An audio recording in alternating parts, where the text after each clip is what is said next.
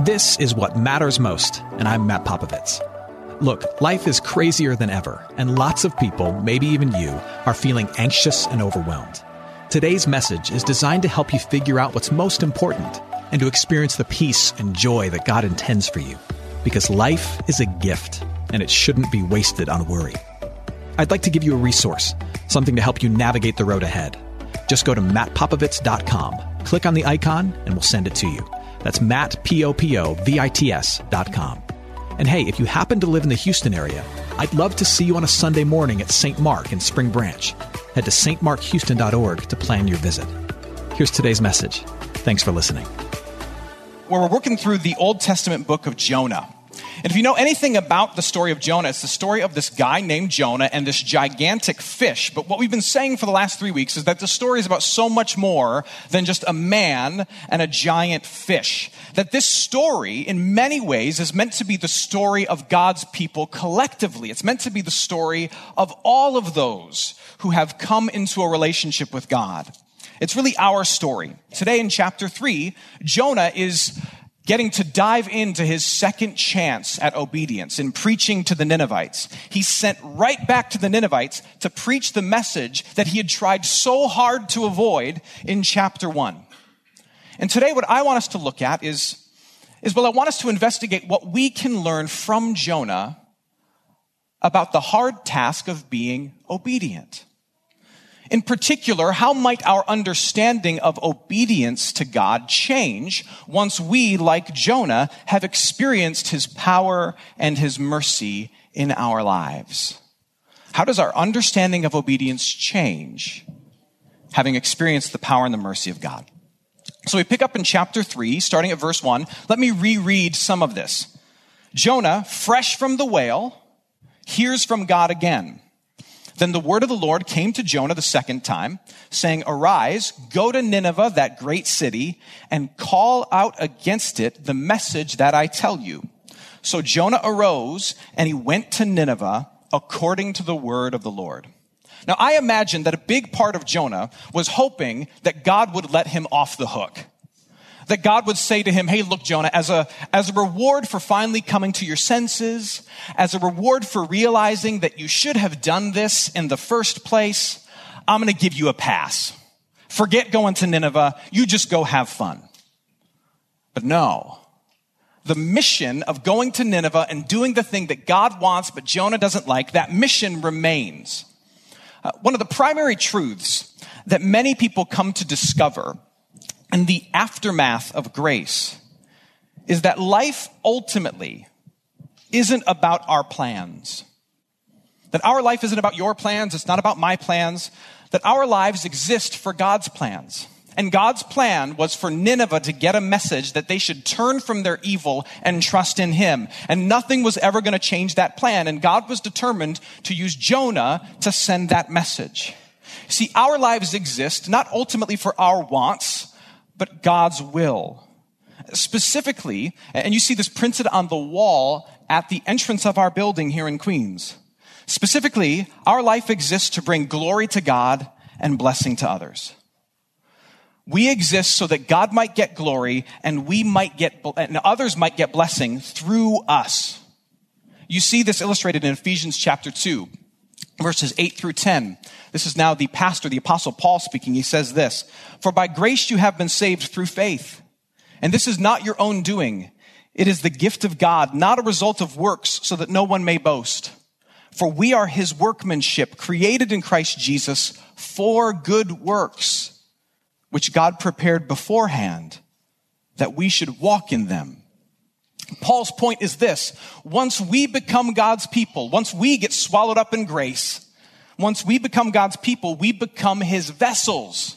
Your life exists for his glory and the blessing of other people. Your life ceases to be your own. And many of us spend our entire lives fighting against that truth. I fight against that truth and you fight against that truth. I insist, despite being swallowed up by grace and spit up on dry ground and given a clear call from God, I still insist in my own heart and mind that my life should be lived on my terms, for my benefit.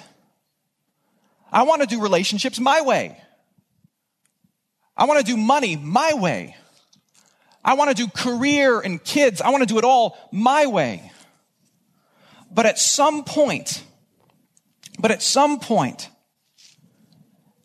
after getting grace upon grace upon grace from Jesus Christ, God's hope is that maybe a little light bulb would go off in my head and go off in your head. That we might begin to say to one another, you know, maybe we're not the center of the universe. Maybe the reason I keep crash landing all of my plans, yet receive nothing but mercy and a fresh start from His hand, is because life isn't about my plans. Life isn't about my wants, but my life instead is about Him. It's about His love shown to me over and over again in my weaknesses, and then His love shown through me in my imperfect obedience to His plans. Maybe that's the purpose of my life, that in my weakness I might be shown constant mercy from God. And in my imperfect obedience might offer other people constant blessing from God. Uh, think about it like this. Think, um, think Walt Disney World, or in New York terms, think Coney Island. Not the same, I know. But when, when, when you go as a kid, it's all about you. It's all about you experiencing the rides. It's all about you having overpriced fun. It's all about you soaking it all in. But then when you go as an adult with kids in tow, it's a completely different experience, isn't it? At least it should be. I mean, you still enjoy Coney Island. You still enjoy Disney World. You still act like a fool running from ride to ride. But now, but now the greatest joy you discover, oh, the greatest joy comes from providing this experience for somebody else. The greatest joy comes from me not getting what I want in this wonderful world, but submitting myself in service to something bigger, giving the experience to somebody else. Rebellion and struggle and then the reception of grace and mercy, it often opens our eyes to the fact that we live our lives, we have been living our lives like grown men cutting in line at the teacups at Disney World. We've been obeying our own interests. When at this point in life, we should really be about something bigger. We should be about Him. Jonah's eyes have been opened to that in the aftermath of grace. And so he goes to Nineveh, and our eyes are opened to that in the aftermath of grace as well. One of the common reasons people will give for not doing what they know they should do for not doing the right thing is saying that they lack the right motivation. You probably heard this said, or maybe said this yourself. Yeah, I know what I should do, but I want my heart to be in the right place when I do it. I want to do it out of joy. I want to be obedient not out of fear or not out of anger or even a sense of obedience. I want to want to do it. And when my heart is in the right place, then I'll go to Nineveh then I will love this person. Then I will sacrifice this thing. Then I will make the choice I know I'm supposed to make. When my heart is right, my attitude is right, my motivation is right, then I'll do it. And while that sounds really noble, it's just a very creative excuse to avoid obedience. What's interesting about Jonah's story is that at this point, after being put on dry land and given a second chance, we get no indication that his attitude has really changed in a substantive way. He now knows for sure that he has to do this, but we don't get any indication that he wants to do it. We have no idea if his heart has gotten in the right place. If anything, we could, we could guess that his heart has not gotten to a good place. We're simply told this. Now, Nineveh was an exceedingly great city in enemy territory, three days' journey in breadth. Jonah began to go into the city, going a day's journey, and he called out, this is the message he gave, this is the entire sermon he preached 40 days and Nineveh will be overthrown. Nothing had changed about the scenario that first freaked Jonah out and got him running away from this task. Nineveh was still a scary city in enemy territory. It was still far from home, 500 miles. Do you know how long it would take you on camel to travel 500 miles? I did the math. It would take you 43 days to travel that far. My guess is that Jonah's heart was still hard. And yet, he went to Nineveh and he did the task he was supposed to do. Why? Because having received God's grace in the whale, he was reminded that whatever God wants, whatever God asks, whatever God wills is good, even if you don't like it. And what that does is that crushes the excuse of motivation. No matter how I feel about it, God has said to do it, and somebody's going to be blessed about it. My motivation doesn't really matter. Imagine a doctor who's been cured of a disease, now holding the same life saving vaccine that cured her in her own hands. And one day she comes to work at her office and she sees a sick patient, patient stricken with the very same disease that she once had. But rather than give the medicine she holds in her hand, she says, you know what? I'm, I'm just not up for it. I mean, if I give him this medication, I want to make sure that I'm in a good place that I'm, that I'm giving him the medication for the right reasons. Like, I want to want to give them the medication, and then maybe I'll do it. Like, that would be insane, right? Not only would it be selfish, because it's not about how you feel, it's about what the situation needs, it'd be short sighted. You yourself have benefited from this when we, having received the goodness of God through the mercy of Jesus Christ in the face of our rebellion, then refuse to offer the goodness of God back to the world in the form of our obedience, simply because we lack the right attitude, we are that doctor. We are selfish and short sighted. On a side note, one of the things I've noticed in pastoral counseling is that relationships often get stuck in this, the excuse of motivation. Um, I, have counseled couples before, and, and, and one person in the relationship inevitably will, will often say this I don't want to do loving things for her until I feel loving things for her. Like I've lost that love and feeling. You know how the song goes? I've lost that love and feeling so now I've lost all the loving action.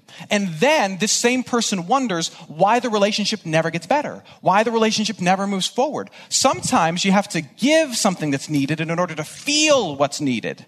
If you wait until you feel it, you'll never do it. You'll never get going. And so God's goal with us, like it was with Jonah, is to shake us from that bad thinking. On the other side of grace, he wants us to say, you know what? I can't sit around waiting for the right motivation. Once I know God's will, I have to dive in and do God's will because I know that other people will benefit from God's good will, no matter how I feel about it. So, no matter how I feel about it, I've gotta go to Nineveh. No matter how I feel about it, I've got to make a commitment to this person. No matter how I feel about it, I've got to forgive this person. No matter how I feel about it, I've got to do the thing that God is clearly putting in front of me to do. Hey, friends, it's Matt. If you're listening to us in Houston and you're looking for an excellent education in a Christian setting for your student, I'm inviting you to take a tour of St. Mark Lutheran School in Spring Branch. We serve infants through eighth grade with an excellent faculty, brand new facilities, and a faith forward curriculum. To schedule your tour, head to gostmark.org. That's G O S T M A R K dot org to schedule your tour today. St. Mark Lutheran School. It's excellent education for your son, your daughter, your little one. Now, back to today's message. Now, you might say, fine. When it comes to obedience, my attitude doesn't necessarily have to be right. But here's the thing, Pastor Matt. I still have to be able to be obedient. So even though I know what God wants me to do, I have to be able to actually do that thing. I have to be able to pull it off. And I'm not ready to do that thing yet. And just like the excuse of motivation, we often use the excuse of readiness or capability to avoid obedience as well. We'll say things like, well, I don't have enough money in the bank to marry him yet. I'll do everything else with him, just not commit to him. I'm not ready. Uh, I don't have the courage yet to be the only associate in my office that refuses to take his client to strip clubs. I mean, I'll get to that point. Like when I've got more seniority, I can kind of make that call and be different, but I'm not ready yet. I don't have the words to invite my friend to this new church that I've found. I mean, I'm gonna do it, but like I'm just not, I'm not ready yet. I get it. But again, let's look back at Jonah. At this point in the story, he had run from God, been swallowed up in a whale, rescued from his own suicide. Spit up on dry ground, and given a second chance at obedience. And as he stands on dry ground, he's covered in seaweed. He's stinking of whale vomit. His hair has been bleached white from the bile in the belly of the beast. He's tired from a month long journey over to Nineveh. His ego is still bruised from being graciously smacked down by Shamu. I'm proud of that sentence. Does he seem to be in the best shape for obedience? No. I mean, if anyone has the right to say, I just need a minute, just need like, a, like to gather myself. I need a minute before I go in there and do this tough thing. If anybody's able to say that, it's Jonah. But watch what happens. He just goes into Nineveh and he preaches. And now what happens? The people of Nineveh believed God. They called for a fast. They put on sackcloth. Uh, they, they entered a posture of mourning and regret over their sinfulness. From the greatest of them to the least of them. So in Jonah's inability and in Jonah's weakness, he walks into Nineveh and he preaches the world's shortest, most vague sermon, all while smelling like the dumpster behind a Japanese restaurant. he walks in there and he preaches the world's shortest, most vague, most seemingly ineffective sermon. And what happens? They all believe. All of them. Why is that? Here's why. Because it's not about Jonah. We said at the beginning, this story is about God's love for Jonah and God's love for the Ninevites and God's love for you. This is about God. It's about His plan. And if God commands the mission, He'll provide the power. He'll work through your brokenness and nastiness. He'll work through your bad attitude. If God commands the mission, He'll provide the power. And you might say, well, well, I'm not Jonah. I'm not an Old Testament prophet who has a direct connection to God speaking right into his heart and his mind. You're right. You're not. Here's what you do have. Here's how God is going to give you power in your difficult act of obedience. He's going to give you power through his word and through his people. His word, when it's read by you, when it's preached from a pulpit, when it's, when it's given to you in body and blood, his word, when it comes to you, will guide you each step of obedience, but more than that, it will offer you so much more than insight. God's word will come to you and it will show you Jesus over and over again. It will show you Jesus crucified for your sins and resurrected for your ineffectiveness. It will show you Jesus over and over again. So as you walk the difficult road of obedience, you will hear again and again, you are forgiven, you are accepted in the eyes of God through the love of Jesus. And that will keep you going. You are forgiven, you're accepted, you're forgiven, you're accepted all along the way. And power will also come through these people. God's people are meant to encourage you and to help you and to speak truth to you. If you are facing some tough issue of obedience, and, and odds are many of us are facing some tough issue of obedience, something we know that God is asking us to do that we find very difficult. If you're facing a tough issue of obedience, invite us in. Look around the room. We're good people. We're nice people. Invite us in. The excuse of readiness in obedience is crushed because God never sends you out alone. He won't. He will provide the power. And if you need proof, look again at the grace that He's shown you. Like if you're here as a baptized follower of Jesus Christ, then He rescued you. You didn't rescue yourself. He rescued you. He brought you into his family. He covered you in forgiveness. He made you his daughter. He made you his son apart from your ability, despite your evil. He did all of it. And now he promises to work through you apart from your ability and regardless of your brokenness. If God asks you for the mission, he'll provide the power. And that leads us to the last point. If all this is true, if God commands our obedience because his will is, is most important and it will benefit other people, and if he promises to empower it, then the last thing is this you don't really need to worry about the outcome of it. I mean, if it's God's mission done on God's power, then the results are God's problem. If it's God's mission done on God's power, then the results are God's problem. Your task is to do what you're told. His task is to make something of it. And in the case of Jonah with Nineveh, he made something of it. Again, look back, verses 9 through 10. The king of Nineveh said, Let everyone turn from his evil way and from the violence that is in his hands. Who knows, God may turn and relent and turn from his fierce anger so that we may not perish. And when God saw what they did, they turned from their evil way. God relented of the disaster that he said he would do to them, and he did not do it. God turns from the destruction he promised Nineveh and that they deserved. And this results in the greatest single, single day conversion of faith in the history of the world. Did you know that? That the salvation of Nineveh, that entire city of 120,000 people coming to faith in the one true God in a series of one or two days is the single greatest moment of conversion in the history of humanity. It's bigger than anything Billy Graham ever pulled off. It's bigger than anything uh, the apostle Paul pulled off in the first century church. Jonah, stinking like whale vomit, giving a one sentence sermon is used by God for the greatest moment of conversion in the history of the world. Only God could make it happen.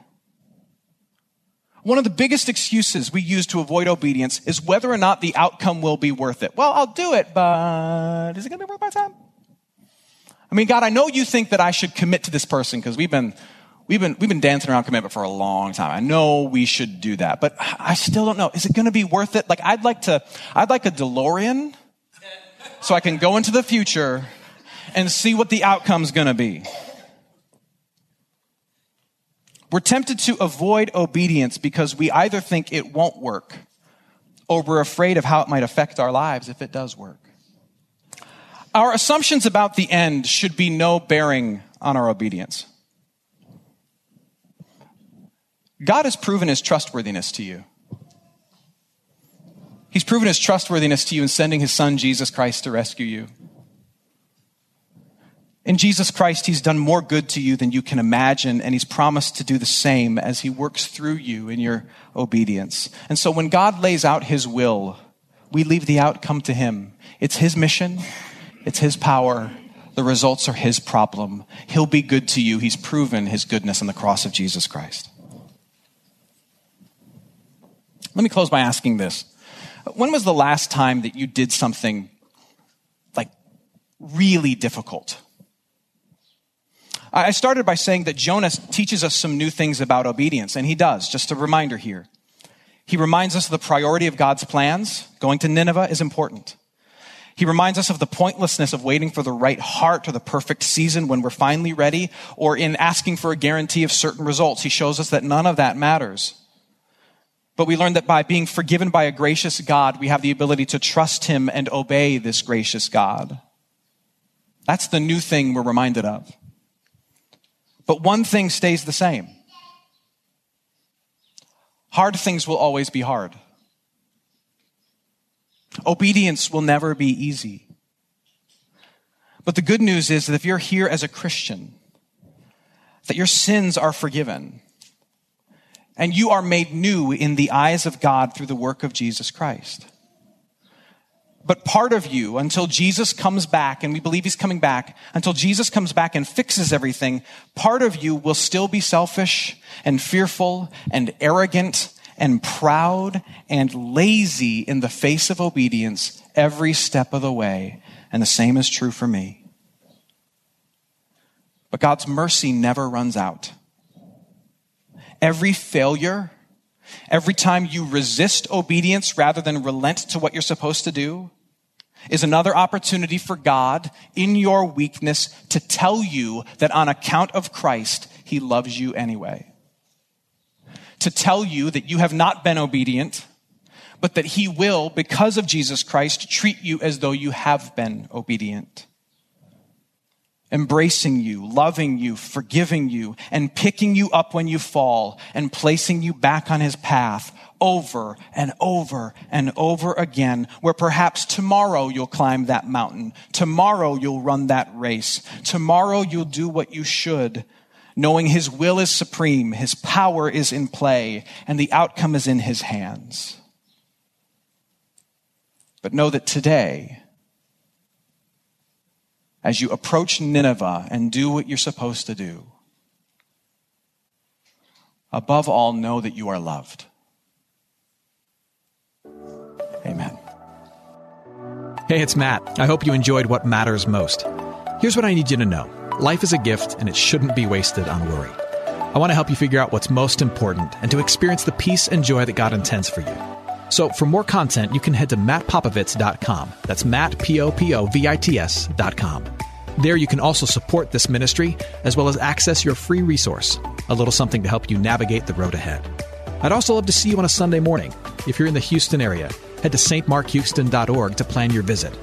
In the meantime, hit me up on Instagram at mpopovits or at facebook.com slash Matt Popovits Ministries. Thanks for listening. Now go and hold tight to what matters most.